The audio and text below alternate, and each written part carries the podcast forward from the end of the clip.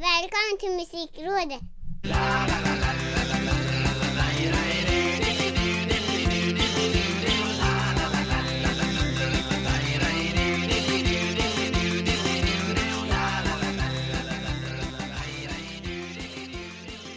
Nummer 65 har vi kommit fram till i Musikrådet Jag som heter Micke Mjörnberg och senior Ricky Holmqvist Mm. Ehm, 65 pensionsålder, det passar väl då att ha ett eh, avsnitt om eh, gubbar som kanske borde gå i pension Ja men det är väl på sin plats ändå va?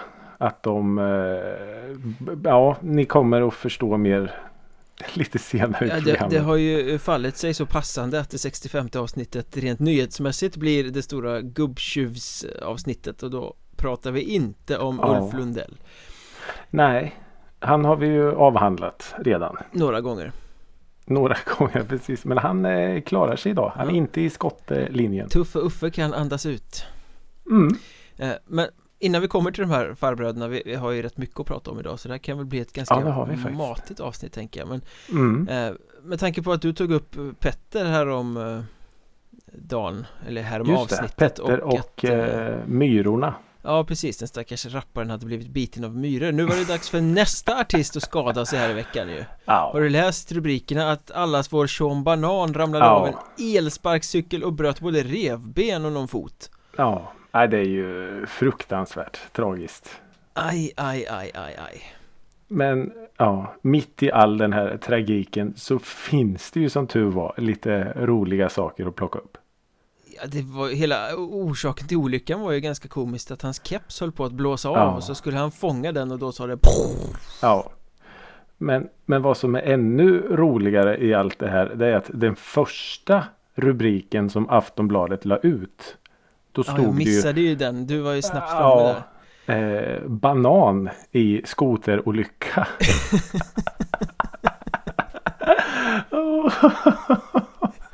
Det var ju jättekul. Och sen en bild på han när han såg jätteledsen ut. Så eh, ja. I, I det läget så kanske man får eh, ångra lite att man har valt ett sånt artistnamn. Tänker jag. Men the show must go on redan Mm. dagen efter eller några dagar efter, jag vet inte exakt hur det var Så uppträdde han i Söderhamn i rullstol Ja, eh, Så han viker inte in kepsen verkligen inte. Exakt. Nej men jag tänker väl att det är Sean Banan och Dave Grohl som kör Mm. vidare. Det är ju så, Ja. det är samma virke i dem Men alltså du, du som bor i Stockholm.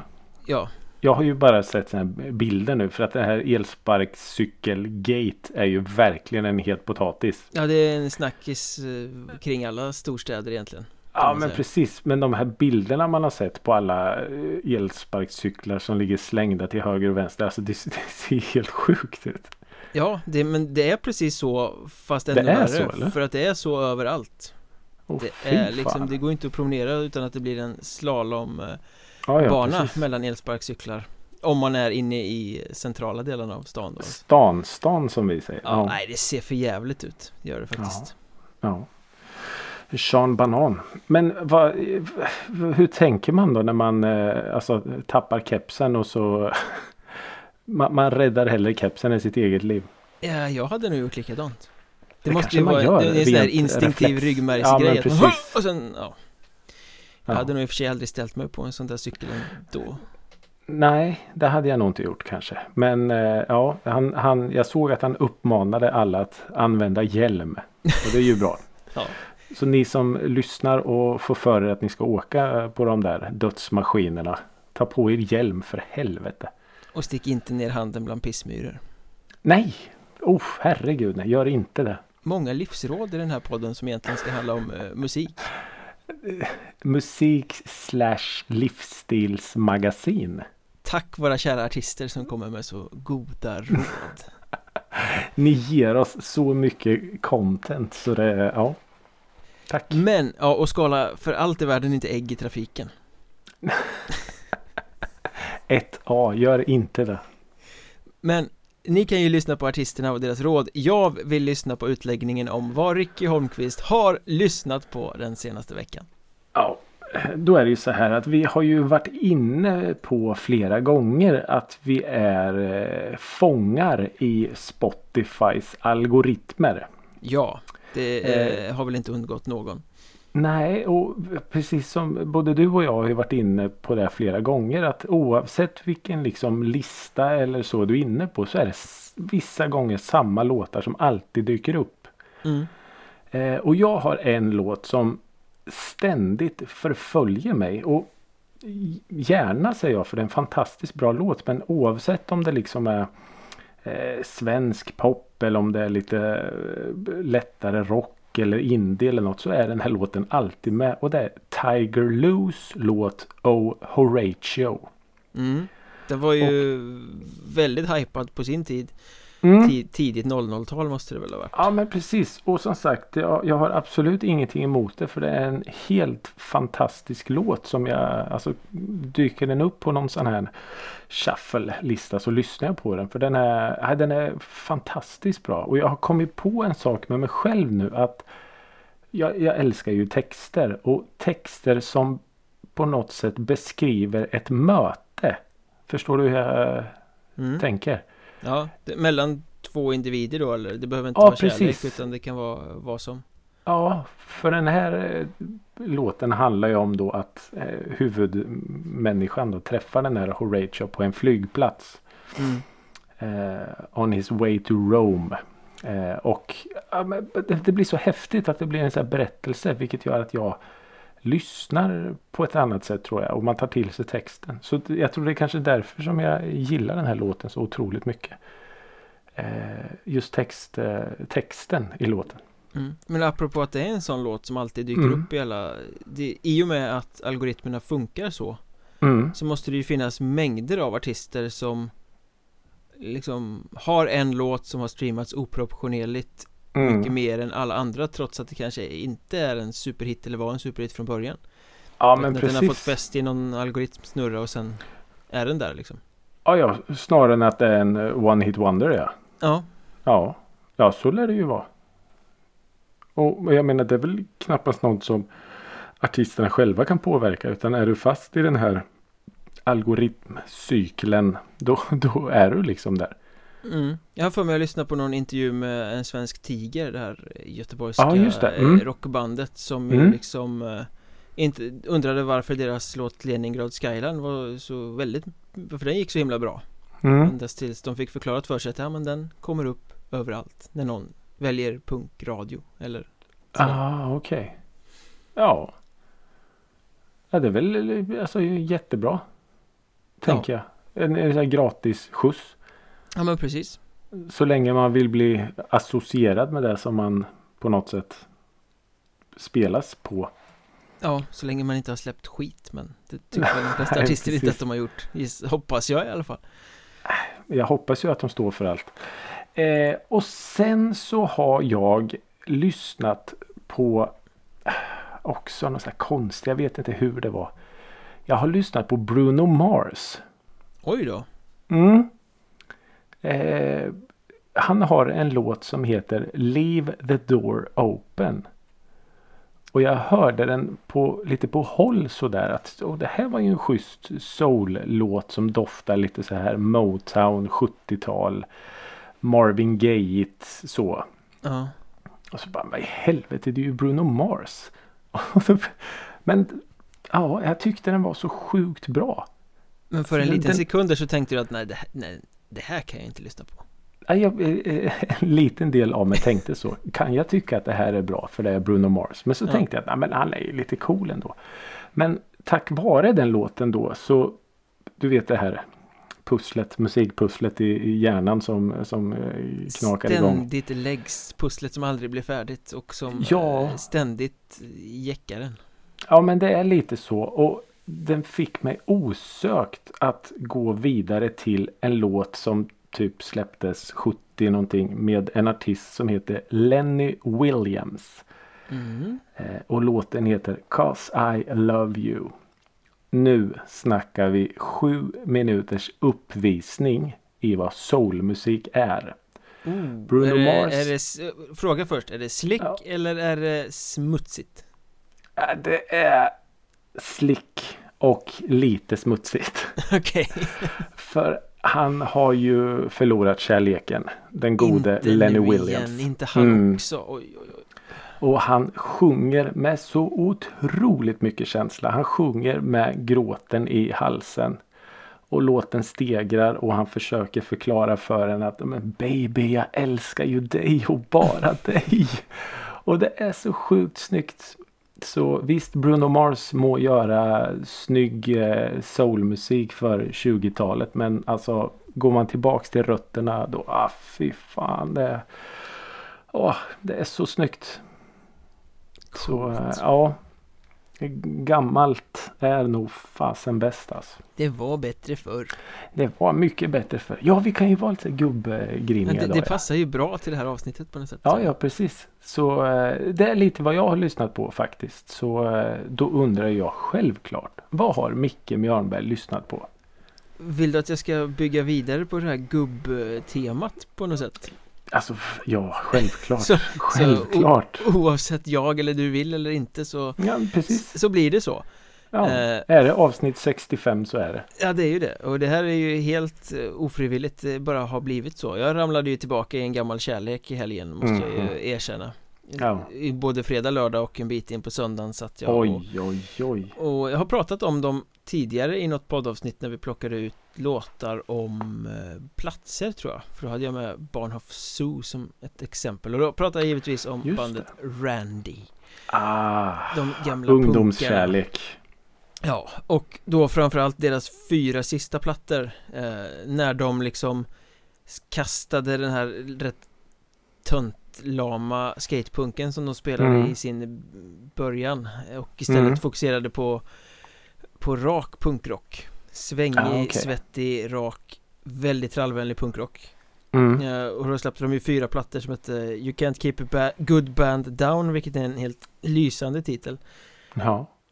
Addicts of Communication, Welfare Problems och Randy the Band Det är Randy the Band. mängder av hitlåtar på de där plattorna Mm. och Frågan är om inte Randy i sina bästa stunder är världens bästa band Oj, oj, oj, oj, oj. Mm. Ja, kanske.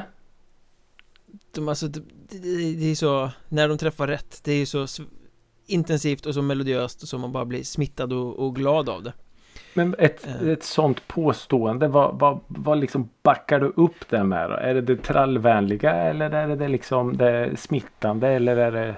Jag backar upp det enkom fullt ut av känslan som jag får i kroppen när jag hör eh, vissa låtar Jag menar nästa vecka kan Ja. något annat band vara världens bästa band Men just i helgen så var Randy världens Ja. bästa band Ah, fy fan, jag älskar det. Vet snöar dit sådär. endorfinkicken när man bara Ja, oh, det är den ja. och det är den och det är den Jag blir så jävla glad av att lyssna på det här Ja. eh, Och jag, eftersom jag pratar om gubbar, jag, menar, de, jag vet inte riktigt om de har fyllt Men de medlemmarna måste ju börja närma sig 50 i alla fall Mm. Eh, och har väl liksom återförenats vid några enstaka tillfällen sen mitten på 00-talet. Ja, Ja, några okej, spelningar men det har väl inte kommit någon ny musik. Eh, vet trummisen blev väl alkis och var, har kommit ur det och är ren nu Mm. och har varit programchef på Södra Teatern tror jag. Ja, okej. Eh, in, imponerande resa. Eh, Verkligen. Basisten är väl producent och hoppar in som basist i The Hives då och då va? Mhm. Johan Gustafsson Men eh, då tänkte jag sen när jag tänkte på dem och tänkte oh, Fan vad kul det hade varit att, att se dem live igen eh, För de var ju så också extremt röjiga då när de var i sitt esse I början Ja, okej, på ja. 00-talet där Såg dem flera gånger, det var hur bra som helst Mm. Men tänkte jag, jag hoppas Verkligen att de återförenas och gör spelningar Men att de aldrig släpper någon ny musik igen För att de här fyra plattorna liksom, att det får vara Att det får vara det de, eh, Ja, ja, precis. deras legacy Mm. att det aldrig, oavsett hur mycket de vill, kommer något nytt igen Jag vet i och för sig inte om de vill men eh, Det är en sån tanke man kan få ibland Ja. Ja, man, man, man liksom på något sätt har ju den här bilden av det bandet som man ramlade kär i. Ja, verkligen Och det vet jag också jag har sådana där förälskelser att ja visst ni har släppt nya skivor och ny musik. Och, ja det är väl okej men. Jag Det behöver kommer inte nästan alltid ett men då. Ja, exakt Så ja. ja vad kul Randy. Världens Mm. bästa band. Ja, den här veckan är det världens Mm. bästa band Ja ja ja. Och sen i förra podden så hade jag lyssnat på en annan podd och fått musikinspiration av det Det har hänt igen Man skulle kunna Just tro det, att vad hette den? Katten brinner? Nej. Döda katten Döda katten. Nu har jag lyssnat på eh, Hitfabriken Ett avsnitt från i juni Mm. eh, För det, det hade inte jag en aning om innan den här eh, podden dök upp i flödet Men eh, Anders Glenmarks platta 99 fyller ju 30 år Mhm. Eh, Och med anledning av det så var han då med i den här podden och de snackade om plattan Låt för låt Och gick igenom Ah. så här anekdoter kring dem, vad handlade texten om, hur var det att spela in liksom sådär Ja, vad kul. Och jag älskar den typen av samtal När Mm. musiker liksom retrospektivt får titta tillbaka på Sånt som hände för länge sedan och verkligen berätta Det är ju underbart så efter att ha lyssnat på det samtalet så var jag ju tvungen att lyssna på den plattan också givetvis 99 från 1991 Vilka låtar som man känner till med på den då? Ja hitsen är väl Greyhound Bus och eh, Mare Ja, Mare det. Just eh, De låtarna det. Just det. Men en sak med Anders Glenmark är Jag blir alltid, jag vet inte varför men jag, varje gång jag hör honom prata så blir jag förvånad över att han pratar skånska Han sjunger ju verkligen inte, han sjunger ju verkligen inte på skånska Nej. Men jag vet ju att han är från Tomelilla och, och allting det där liksom Men varje gång han öppnar munnen så Ja just det, han pratar, pratar skånska Ja. Nej, vad jag b- gillar och som jag absolut inte kände till med Anders Glenmark. Det var ju att han var en så otroligt betydande producent. Jag har producerat jättemycket Ja, det visste liksom. Jag tror jag såg någon. Jo, det var den här eh, hitlåtens historia med Eva Dahlgren. mm. Ängeln i rummet tror jag det var. Mm. Och de två har ju jobbat jättetajt ihop. Eh, Anders Glenmark och Eva Dahlgren. Mm. Och hur han då liksom, vilka artister som eh, Anders Glenmark har jobbat med. Och det blev verkligen så här ögonöppnare att oj, vilket avtryck han har gjort i, i svensk musik. Förutom sin egen eh, musik som, ja, är ju ganska så hitspäckad ändå. Men verkligen kul att du nämner Eva Dahlgren här för det är en sak som står ut för mig när jag lyssnar på den här skivan år 2021 Mm. eh, För det finns ju en låt på den här plattan som heter Underbar Som väl är en halvsexuell låt till eh, hans fru eh, Tror Okej. jag att han sa Mm. Något i den stilen i alla fall Men den låter ju extremt mycket som eh, en Eva Dahlgren-låt Mhm. Hela sättet Ja, okej. låten flyter, hela arret, det låter så extremt mycket eh, Eva Dahlgren Mm. Och parallellt med att han gjorde den här plattan så förstår jag det som att han jobbade med någon av Eva Dahlgrens plattor också Ja, just eh, det. Så ja. frågan är om det är undermedvetet Att han har skrivit liksom en eh, Eva Dahlgren-låt till sin egen platta Utan att vara Ja. medveten om det För det Ja, känns verkligen så här När de säger att ja, men jag jobbar med Eva Dahlgren också Ja, den här låten, den låter ju verkligen som Eva Dahlgren Ja, ja precis. Ja, man kanske det blir så här undermedvetet att man, man eh, är i någon slags eh, sinnestillstånd. mm. Så att Ja, men- det, det, oavsett om man hade gjort en låt till Per Gessle eller till Peps Persson så kanske det hade låtit så just då. Och just när man är mitt i det så är man förmodligen inte nykter nog att kunna se sådana saker utan det är först när man Ja, lyssnar exakt. långt i efterhand som man, så, sådana poletter trillar ner. Ja. Ja, för det, jag har aldrig varit i en sån situation men jag kan tänka mig en sån inspelningsprocess att vilken jävla bubbla man måste vara i. Ja, Eh, som artist och som producent också då. Så. ja men så är det Ja, Man går in i bubblan där och kommer inte ut förrän det är klart. Nej. Nej, så är det ju. Det, ja, det är otroligt intressant. Men eh, det var gubbarna jag har lyssnat på då. Randy och eh, Anders Glenmark. Ja, det är väl inga dåliga gubbar. Nej, trevliga gubbar tycker jag. Ja, faktiskt. Vad sägs om att, att eh, sticka iväg lite i åldrarna ytterligare? Ja, vi, vi kan ju sakta men säkert jobba oss uppåt då. Eh, ka- kasta oss in i gubbträsket. Eh, Ja. The Offspring, de var ju Mm. unga och vitala när de på 90-talet släppte sina stora hits. var de verkligen där? då? Eller allting sådär. såg de bara unga ut? Ja, de var väl yngre än de är idag i alla fall. Ja, det är sant. De existerar i alla fall fortfarande, turnerar De är fortfarande, även om de är ganska tjocka och stillastående så är de fortfarande ganska kul live Eh, Men det kanske jag säger bara för att jag älskar The Offspring Eh, Ja. Men de ska ut och turnera och de kommer att göra det utan trummisen Pete Parada Nej, men får, varför eh, då? Han får kicken helt enkelt Hur kommer det sig? Corona. Han vill inte vaccinera sig. Oj då. Mhm. Okej. Och- En anti-vaxxer. Ah, det är väl tveksamt om det är riktigt så hardcore anti-vaxxer. Han verkar ju ha någon sjukdomshistorik Ja, eller något sånt där som gör att han läkarna är osäkra på om han kommer få eh, skarpa biverkningar av vaccin. Så Ja, just vill, det. vill inte ta eller riskera, vill Nej. inte chansa. Eh, Men eh, det duger Ja. inte för The Offspring vill turnera och då kan man inte ha Nej. en eh, icke-vaxad trummis. Dexter Holland. Sångaren ja. Nej, heter han det? Sångaren va? Ja. Just det. Dexter Holland. Mm, nej, det funkar inte. Då får de ta in en annan batterist. Vad känner du spontant inför att man tar ett sånt beslut i ett band? Alltså med tanke på hur, hur världen ser ut och kommer se ut. Alltså med tanke på att de ska på eh, turné. Ja, Så känns det ju som, för jag menar det är ju mer och mer krav på och jag har förstått att det är ännu tuffare krav i, i staterna framförallt på att de ja, men typ bara släpper in folk med sådana här coronapass. Eller inte coronapass utan vaccinpass. mm. Och jag menar om, om du då som publik ska så är det väl självklart alltså att, att de som står på scen också är. ja det kan bli mycket komplikationer Ja och sen jag menar om de ska utomlands och resa och jag menar ja men vi har eh, vi har eh, vaccinpass men han är inte vaccinerad. Okej då får han sitta i karantän i tio dagar. Alltså så det är klart att det, det medför ju massa krångel. Och sen så förstår jag ju han också nu om han har en sån sjukdomshistorik som gör att att det inte är säkert att ta vaccin. Alltså, så, så det är klart, jag förstår båda parter faktiskt. Men någonstans känns det ju som att det här är ett exempel och det kommer komma många, många fler exempel i Mm. eh, post-corona-världen Ja Där men det herregud. är en ny grej i spel liksom som kommer Ja. äh, Vissa sessionmusiker kan inte få gig för att de har inte vaccinerat sig Nej men precis. och, och nej. Nej. Och jag läste Per, per Bjurman eh, USA eller New York korre för Aftonbladet skrev i någon tweet att alltså har du tänkt åka till USA så alltså se till att vara fullvaccinerad för du kommer inte bli insläppt på typ många många år. Nej. Så ja.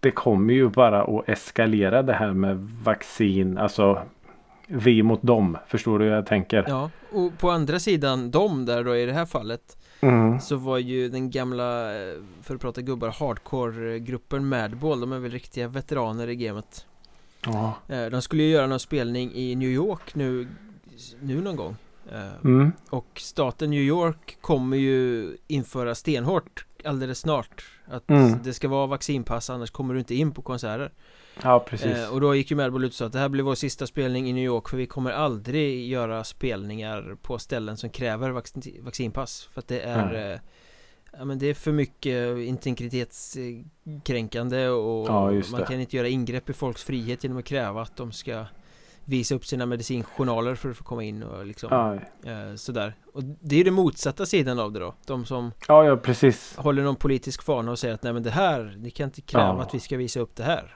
Så vi Ja. spelar inte på sådana ställen och då kommer man väl förmodligen inte få Göra så många spelningar Nej. på stora Nej, och- ställen utan då får det bli såna här gerillaspelningar i, i källare Ja, ja, och ja. sånt Vilket kanske hardcoreband inte har så mycket emot men Ja du fattar Nej grejen men precis. Och samtidigt så, så har de ju en poäng också. Jag, alltså återigen, jag, jag kanske borde bli någon slags diplomat eller politiker. För jag känner ju för dem också. Jag menar konsten och kulturen ska ju, den ska ju vara för alla. Eh, och sen är vi ju i någon slags superduper speciell situation nu i, i, i världen. Så det blir ju, ja det, det blir så jävla komplext. Hela den här frågan är ju superkomplex. Alltså vem, vem är konsten och kulturen för? Är den för alla? Ah, egentligen då inte. Så ja. Nej men samtidigt så kanske konsten och kulturen inte kan få sina yttringar överhuvudtaget Om man inte gör lite ingrepp i integriteten då och kräver det här Ja. För har man inte vaccinpass så kanske spelningen inte blir av överhuvudtaget då Mm. Alltså det, jo men det är absolut. svårt ja, ja det är jättesvårt. För det, i den här frågan finns det ju verkligen två sidor av myntet.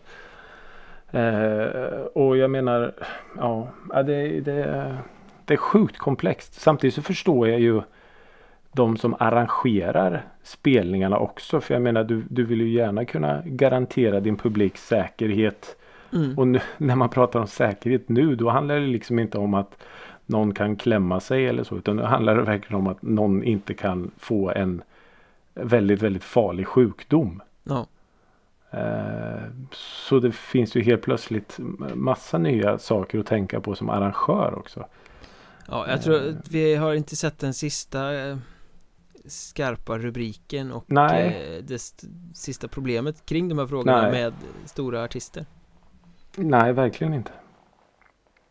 Så ja, det, det är en otroligt komplex fråga. Men intressant också. Verkligen.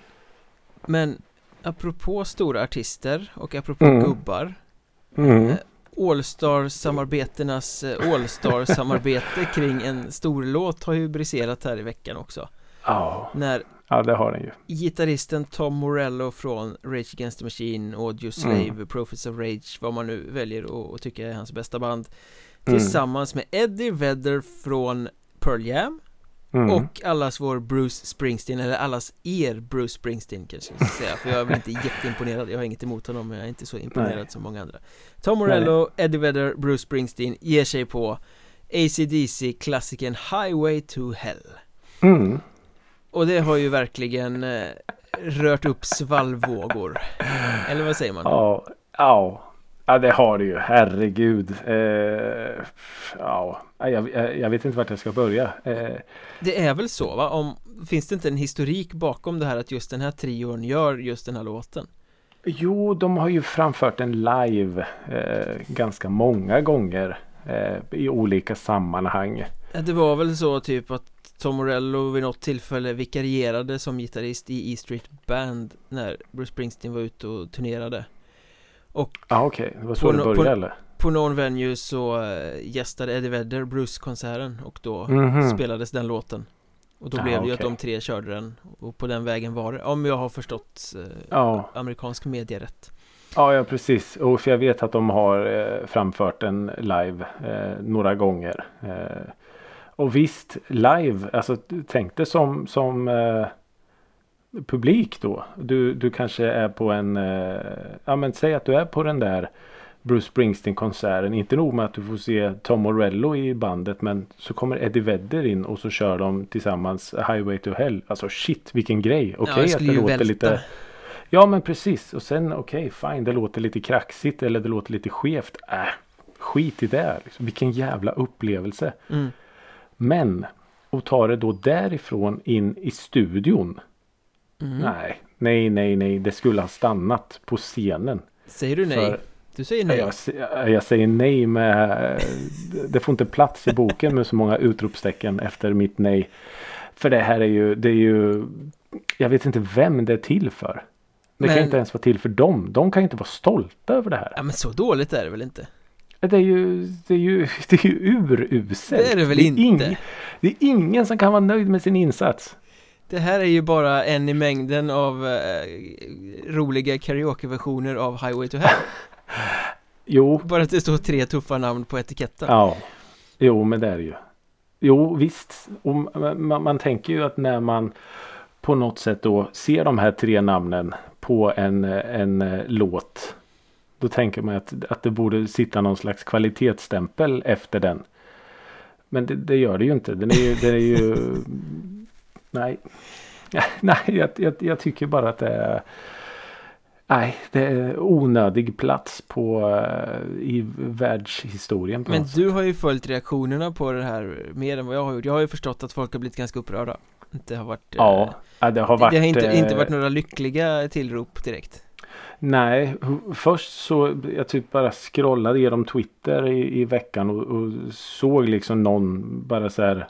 Då fattade jag inte först vad det handlade om. Men sen så kom det mer och mer och mer och mer och då förstod jag att Oj, de har släppt en låt tillsammans och det var med viss tvekan faktiskt som jag klickade in mig på, på låten. Men ja, nej, jag tycker, eh, jag tycker alla som, som kastade skit har fog för det faktiskt. För att det är inte bra. Jag fattar Om jag ska inte, lyfta- jag, alltså, jag fattar inte varför folk blir upprörda över det Det är väl bara en kul grej kan jag tycka Det är ju, de, de latchar med en larvig låt Eh, Ja men kan de inte latcha bra då?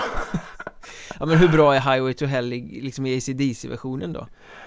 Men det tycker jag också att mycket av den, alltså Highway to Hell, visst det är ju en eh, Det är ju en afterski-låt liksom. Jo men det är ju definitivt. Men i sin originalversion så finns det ändå något där. Det här tunga riffet som man liksom nästan blir glad av. Jo, jo, jo. Men här är det ju mest bara en, och den här första 20 sekunderna när det låter som att det är något fel på dina högtalare för att det bara är så burkigt. Fattar jag inte heller vad den effekten ska vara där Nej, för. nej det är sant. Men, Men, faktiskt om jag ska säga något positivt så tyckte jag ändå att eh, första gången jag hörde låten så tycker jag att Eddie Vedder gör en bra sånginsats. Eh, så. Ja. Eh, jag tycker att ja, men det, här, det här lät okej liksom. Eh, men sen i övrigt så nej, men det, det kan inte bli något annat betyg än ett eh, liksom, högst en etta. Och då är jag ändå ganska snäll.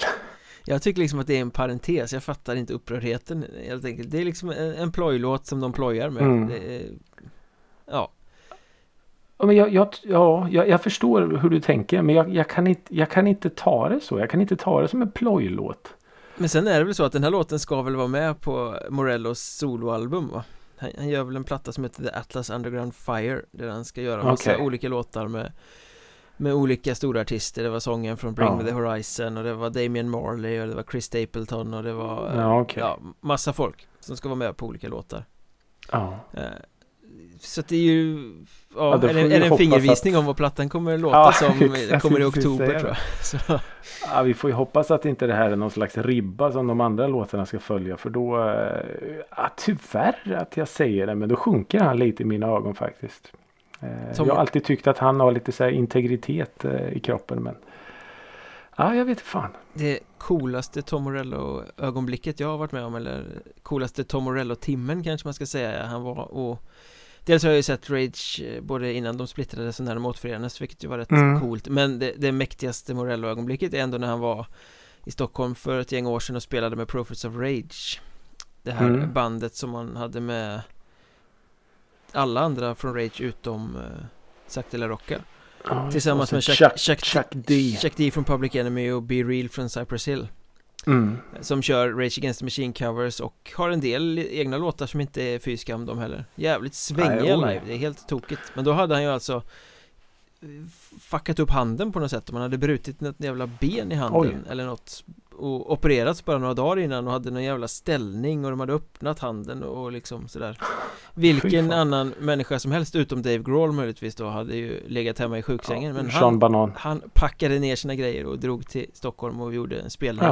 och spelade som inget hade hänt med den där jävla ställningen på armen eh, Sjukt mäktigt Ja, det är coolt. Minns när, eh, eh, på tal om skadade artister, när eh, var det? Nej, det var ju Liams eh, band, de här BDI. Ja, När de skulle spela på den här Hultsfredsfestivalen där du och jag var. det är det typ bara vad vi som var 2010. ja. ja. Nej, ja skitsamma. Där det gick ett sånt rykte om att Liam kommer inte för han blev biten av en hund igår. Ja, sen kom han Han kom, men då hade han något bandage Ja, det hade eh, han handen, Han minns stod och höll ciggen i en bandagerad hand Precis. ja, det är bra. Han tog en för laget. Men låt oss eh, fortsätta på den tveksamma smakens väg här i, i Mm. gubbgrinighetens tecken Så Mm. inte nog med att de nämnda storstjärnorna släppte en låt Även Kanske De är väl lika stora får man väl säga Guns N' Roses Första Mm. singelsläppet på 13 år Mm. Absurd!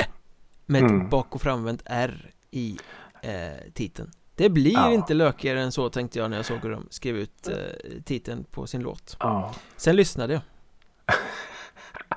Alltså vad är det där? Det är nog fan det sämsta jag har hört Mm. Fan vilken dålig låt Ja. Nej, alltså, ja. Alltså, golvet är ditt. Jag, eh, ja.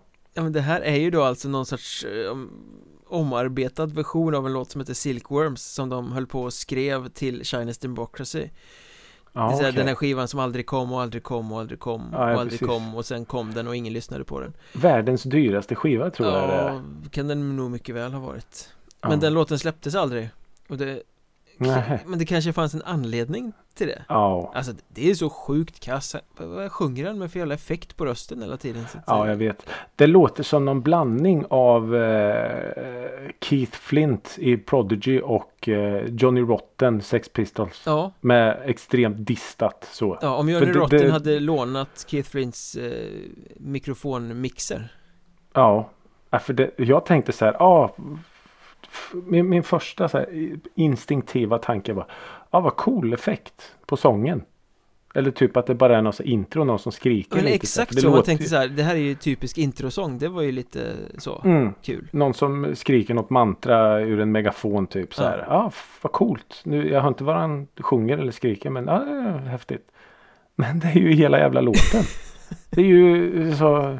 Alltså jag förstår att hans eh, den här otroligt eh, karaktäristiska och unika sången som gjorde Guns kända för 30 år sedan. Okej, jag förstår att den har eh, fått några smällar men och gömma den så här. Det är ju, det är ju, det är ju pinsamt. Ja, det, det liksom skymtar fram en liten skön slash-gitarr på något ställe Mm. Som minner om att, ja just det, så där lät Guns N' Roses Ja, på sin storhetstid Men, ja men För att travestera titeln, det är ju absurt dåligt Ja. Varför släpper Nej, de det här? ja. Nej, jag, jag, jag förstår inte heller. Jag menar själva eh, liksom riffen och det i verserna. Det, är bara- det är bara så jävla daterat. Och det, nej, det finns inget bra med den här låten. Jag lyssnar hellre på Highway to Hell. Ja, ja, alla gånger, På repeat. alla dagar i veckan Nej, den var, det var... Ursäkta om jag är hård nu, men den var vidrig. Ja, det, det är nog den, den sämsta låten som vi har diskuterat i Musikrådets existens Ja, I det Och 65 då har vi ändå- avsnittet har det liksom ja. passerat x antal ganska dåliga låtar det har avhandlats en hel del dåliga låtar, men den här tar ju ja, priset fullständigt. Ja, det är genant alltså Ja men jag, vad fan, vem, vem släpper ut det här då? För jag menar på något sätt så måste det ju sitta, för jag menar släppa musik idag, det ska ju gå igenom så otroligt många instanser och I alla fall för ett Satsas så pass pengar stort och- band som Guns ja, oh ja. Och jag menar, alltså någonstans måste man ju tro att om vi lägger ner pengar i det här, alltså visst, det är klart att alla skivsläpp är ju en förlustaffär idag, men Kommer vi på något sätt att kunna tjäna pengar på det här? Det måste ju sitta någon och, och räkna och så. Och, ja men det här blir då bra. Vi får tillbaka varenda slant. Och sen måste man ju rätta, kommer den här låten att höja bandets status eller kommer den att skamfila den och, och Ja. ännu mer understryka att nej, de borde nog inte hålla på Ja exakt den frågan också. För jag menar ett band som Guns N' Roses spelar ju med Alltså vad ska man säga? Högre risk än vad Alltså nya band gör. För de har ju så otroligt mycket mer att förlora. Ja men när de stod på sin topp, när de var som Mm. hetast Då hade de ju kunnat Mm. släppa vilket bajs som helst och alla hade ätit, Mm. dem ätit ur deras händer Då Den här hade de låten hade ju hyllats Den här då. låten Men med den typ av sång. Och då man tyckt att ja, f- vad coolt de testar något nytt. Men de är ju inte på den positionen längre Oh nej, oh nej, oh nej. Nej. Nej. Nej det är de ju inte. Nu är de ju nu är de ju en, en alltså lite som Kiss är. Det är liksom en kringresande cirkus. Som garanterat skulle fylla ut alltså både Ullevi och Friends. Utan snack. ja, De säljer biljetterna men det är inte många som går därifrån och inte är besvikna Nej. För att kunna säga att vet du vad, jag har minsann sett Guns N' Roses. mm. Och visst, det är väl coolt. Men ja. Nej, det... Nej. Jag, jag skulle aldrig kunna betala för att se en sån. Alltså, Nej, nej, nej, nej Aldrig nej. Nej. Alltså, det är ju att betala för besvikelse på något sätt. För jag vet ju att det kommer, alltså. Det kommer ju att vara skit. Ja, fast det kommer ändå vara bättre än den här låten Ja. Ja. Ja, då tar jag ju hellre en, eh, en eh, trasig eh, Sweet Child of Mine live. Än att höra den här. Garanterat. Vi vandrar vidare till den äldste av dem alla Vi Ja. hade ju ytterligare ett, ett gubbigt skivsläpp eller låtsläpp Ja. den här veckan Allas våra kära kokain-italienare i måneskin som vann Mm. Eurovision Efter Mm. att ha snortat något i direktsändning, det är ju fortfarande oklart vad det Eller var. plockat glas. det Jag vet vi vet, inte. ju vad jag tror eh. De har en låt som heter I wanna be your slave Mm. Och eh, de gjorde en ny version av den och plockade in Ja. Iggy Pop Gudfadern. Mm. mm. Ja. Jag skulle kunna sortera in det här också i samma, precis samma fack som de två låtarna vi har gått igenom precis nu. Men den stora skillnaden att det är Iggy Pop. Mm. För jag känner ändå att han, vet du vad Iggy Pop? Du får göra en låt med de här italienarna. Du får sjunga på ditt trötta, sävliga sätt. Och vet du vad Iggy Pop? Det är okej för mig. Låter det bra? Nej, det gör det inte faktiskt. Nej Men fast, det är okej. låten är inte så bra från första början så att Han har inte så mycket att jobba med. Nej, och, och han lyfter den ju inte heller Alltså det Jag tycker det skiljer ju inte så jäkla mycket Nej, oh nej. Alltså det, det Alltså- som skiljer är att det är han som sjunger och att det därför låter lite gubbigare Mm. Nej men alltså d- den enda vinnaren i det här samarbetet är ju de här Måneskin. Ja, Såklart. Som får Iggy Pops namn med sig och som ökar deras livslängd med kanske en eller två skivor. Så håller de lite relevanta ett tag ja till. precis, de är inte bara Eurovision-vinnare utan de är också Nej. bandet som samarbetade med Iggy Pop Ja, och på något sätt få lite cred. Att vi har minsann jobbat med Iggy Pop. Eh, så visst. Bra. Grattis till er men eh, ja, nej. I, i, alltså, I slutändan så, så kommer de ju fortfarande bara att vara de som vann Eurovision. mm. Tyvärr så, så ser ju eh, branschen ut så. Ja men den, den här låten Alltså det, det var inte bra, det var inte dåligt Det var bara rätt, det var rätt onödigt bara Alltså Mm. för en Jättebra för dem som sagt men Men för en Ja, ja. lyssnare så är det ju bara väldigt onödigt Ja. Det är ju ingenting man kommer gå tillbaka och lyssna på Nej, och alltså hade, hade det inte varit för att alltså jag lyssnade på den för att jag blev så här. Jaha, vänta, Iggy Pop och dem. Jaha, okej. Och så lyssnar man och, det var ju, det är ju en axelryckning Verkligen i, i stort sett. Men samtidigt så Iggy Pop liksom, han är, ja, han är ju ändå som han är. Så eh, fine, kör.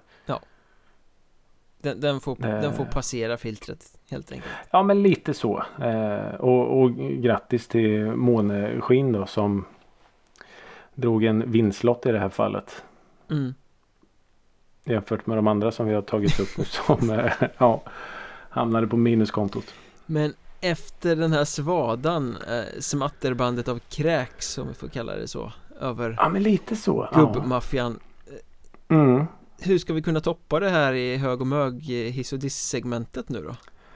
Ja. ja men du, du får väl fortsätta då. tänker Det här jag. är en så grannlaga försöka- uppgift ska jag säga att försöka, Ja. försöka komma med Så något dissande avs- efter det här Alltså ska jag försöka avsluta med lite solsken sen då? Ja, det kan nog verkligen behövas i, i det här Ja avsnittet jag tror det. Jag tror det faktiskt. Men, eh, ja men jag ska dissa en sak här som jag har börjat tänka på de, den senaste veckan egentligen I och med Mm. att konsertscenen börjar komma igång igen Mm. Eh, Och det här är en sak som jag har stört mig på i väldigt många år Och Mhm. som bara har eskalerat och eskalerat och eskalerat och nästan blivit absurt när coronan kom eh, Den punkten Oj, som vi mm. hade kommit till Och det handlar Mhm. ju om Inte alla band men väldigt många band Som har kommit upp sig lite grann Även band som spelar på klubbnivå Alltså det, det är en pest som är utbredd överallt men, fr- men kanske framförallt. Kanske framförallt hos band som har kommit upp en bit Och spelar lite större ställen och har lite show kring sin eh, Sina framföranden och sådär Mm. Och det är det här När man spelar samma setlist varje konsert en hel turné Ah. Man sätter Mm. sin setlist, man repar in sina 15 låtar Och sen spelar man dem i samma ordning Kväll Mm. efter kväll efter kväll eh, Jag fattar att Oh, man på vissa sätt behöver göra sådär Eh, För att jag menar visst ljus måste funka, visst pyro måste funka, Ja. det finns showelement som liksom sådär Men att det Mm. blir så jävla regisserat och så strömlinjeformat och mallat Mm. det, För Mm. mig tar det bort ganska mycket av liveupplevelsen Att jag vet att jag kan gå in på Setlist FM och så kan jag se vad det här bandet har spelat på de tre senaste Mm. konsertstoppen och så vet jag exakt hur spelningen jag ska Ja. gå på kommer vara Ja. eh, Ja, jag, jag är med det. Och, och som publik så alltså, jag tror inte att banden själva vet om det. Men som publik så märker du det. Ja. När du ser dem på stopp 7 eller 8. Att nu är det bara ett stopp på vägen. mm, Det är samma låtar som vi har kört i, i 6-7 veckor nu. Så Det syns så väl. Det går inte att lura en publik. Nej, framförallt inte på de här banden som dessutom kör samma mellansnack Mm. Ja, Håkan är ju expert på det. Ja, Han kör ju samma mellansnack alla eh, alla konserter. För jag vet eh, något år var jag och såg flera spelningar med honom på samma turné. ja, Och det är ju exakt samma. Och då tycker man ju att nej.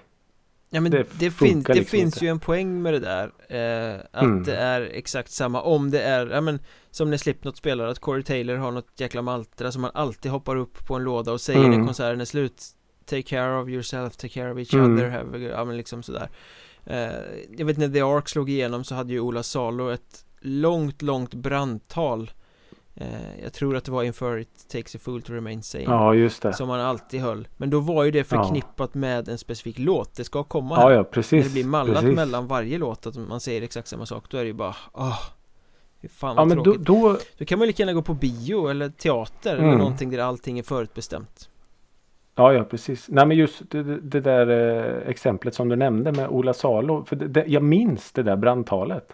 Det var ju ofantligt Och häftigt då Och det handlar om att våga. Du vågar och jag vågar Ja. och eh, alla var annorlunda och allt där. Och då fattar man ju vad som var på gång. Jag tror till och med att bandet redan hade börjat liksom Ligga på kompa lite. ja. eller- Ja men precis. Och då tycker man, "Åh, då bygger man ju upp låten innan den ens har börjat. Och det är ju så jävla coolt. Och det är likadant som Markus Krunegård har ju också det här brandtalet som du så vackert sa i eh, Mänsklig värme.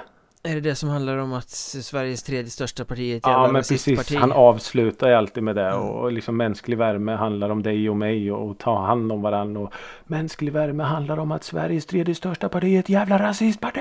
Ja, Och så skriker alla och så bara exploderar låten och man står och halvtjuter och skriker och alltså fine. Vill du ta med ett sånt brandtal på hela turnén, hela landet, gör det. mm. Men det här trötta mellansnacket, nej. Nej, eller det Jag, här jag köper det helt. Ja men så, som Dissen inled, samma setlista du, du har 15 låtar, Mm. du vet Då är det ju så Det är så förutbestämt Det är så Mm. extremt tråkigt Jag älskar ju band tänker- som liksom säger de ska åka på en turné Där de ska spela Mm. 16 låtar per kväll Det är liksom mallen Men de Mm. repar in 26 Mm. Och sen, Ja, ja, och sen precis. får feelingen för den kvällen vara eh, Liksom, ja men vi Mm. kör de här ikväll eller vi gör det här eller liksom att Det finns ett eh, Överraskningsmoment för mig i publiken Mm. Plötsligt kommer Mm. en cover som de aldrig har spelat förut Plötsligt dyker det upp Ja, ja, något, något tokigt infall Och jag, det ser, som du säger, det ser man ju på banden också när det liksom är nytt även för dem Visst, det är samma låtar Ja. men det är en annan ordning Ja, och det ja, händer ja. något nytt och det, ja men sådär Eh, Så jag, Jag hoppas skickade- verkligen när Corona blåser över här att band kommer ut och vågar vara lite mer inspirerande Inte så jävla Ja. trött regisserade Nej, precis. Jag skickade ett mess en gång till en artist som skulle spela i Linköping. mm. Och eh, skickade typ så här. Hoppas man får höra den här ikväll. Höhö. Och fick svar att oj den där har vi inte kört live på tio år. Men fick den den kvällen. Ja, mäktigt hur coolt som helst. Ja. Så då blev jag ju superglad. Men jag tänkte på det, det där du sa i början. Att, att, för jag tänker på ett sånt band som In Flames. mm. Som är väldigt så eh, med ljud och ljus och, och allt det där. De Mm. kan ju inte gå en millimeter utanför ramen för att allting ska liksom matcha. Mm. Men ändå så tycker man ju att, okej kanske dåligt exempel, men de kanske har fler låtar men att, att det ska vara så. Fan kan det inte vara lite mer spontant då? Ja men de behöver inte ha, då kan de väl ha liksom att lägen där de kan slänga in spontana låtar Ja, som inte är pyroförsedda då ja men precis. Eller vända, det kan inte vara så jävla svårt att i datorn vända på vilken låtordning det ska Ja, vara ja precis. Nej. Smäll den där bomben i fjärde låten istället för sjunde Alltså, Ja, det är klart, hade man velat Det är klart det är mycket Men det är mycket mer bekvämare att Mm. ha allt mallat, regisserat Alla vet vad de ska vara och hur det ska Ja. vara liksom sådär ja, men precis. Det blir, lite inte, som li- att- det blir inte lika bra, det blir inte lika kul Nej, ja, det blir väl eh, säkrare för artisterna liksom. Det är lite så här eh, löpande band. eh, Nu går vi in och kör den här en och en halv timme och sen så går vi och lägger oss i våran nightliner. Och så Ja. vaknar vi upp i nästa stad och så gör vi om det. Ja, Men det är som du sa för några minuter sedan att artisterna förstår det nog inte själva Men Mm. det, jag tycker att det är lite att disrespect mot publiken Mm. faktiskt För det Jo, finns det- många som ser många spelningar på Ja, MTV ja, till absolut. exempel och Ja, ska bara matas med samma Ja, Samma sak, bandet Ja. måste rulla jo men så är det ju. För jag menar det finns ju många eh, extrema hardcore-fans till några av de artisterna som vi har pratat om eh, nu. Som, som verkligen liksom går på spelning efter spelning efter spelning efter spelning på samma turné. Och jag menar, ja, och lägger ner tusentals kronor. Ja Kents Så, eh, avskedsturné, man satt ju fortfarande där på den absolut sista spelningen Mm. någonsin Hoppades att de skulle kasta om låtlistan så att Mm. mannen i den vita hatten fick komma för sista gången sist Mm. Men Ja men icke, precis. icke Nej, Några jag tror, blev det inte nej, jag såg dem ju i, i Linköping då. Turnépremiären på den sista då. Ja, Och då spelade de ju två kvällar i Linköping. Och från kväll ett till två så hade de ändrat en låt. Och det Eh. var väl förmodligen för att den första kvällen inte funkade så bra men Nej, säkert. bort. Ja. Så ja. Men eh, ja. Nej, jag eh, köper. Jag skriver under direkt. Då vill jag ha lite solsken som Ja, men det avslutning ska du på det få. här Jag ska börja med lite gråare himmel. Ja, Eh, jag såg en artist som jag följer på i sociala medier. Gick ut och eh, på ett schysst sätt. Jag ska eh, liksom ingen skugga ska falla på den här artisten nu. Men gick ut och liksom typ bad att ah, ni, ni behöver inte skicka och be att jag ska komma och spela på ert dop eller eh, på eran fest eller sådär liksom. Äh, det är inte min grej riktigt. mm. Eh, på, ett, på ett schysst sätt så skrev. Ja, det var inte Eh. dissigt utan det var liksom Nej, precis. Bara konsumentupplysning Jag kommer ja, inte men göra lite det här så. Nej, precis. Och jag vet att ni, ni betalar säkert och sådär. Men ja, ni, ni, ni behöver inte skicka liksom. Jag är inte intresserad. Eh, och fine, det får man väl respektera då tänker jag.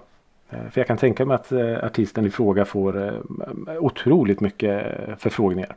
Ja, man skriver nog inte en sån grej efter två Nej, exakt.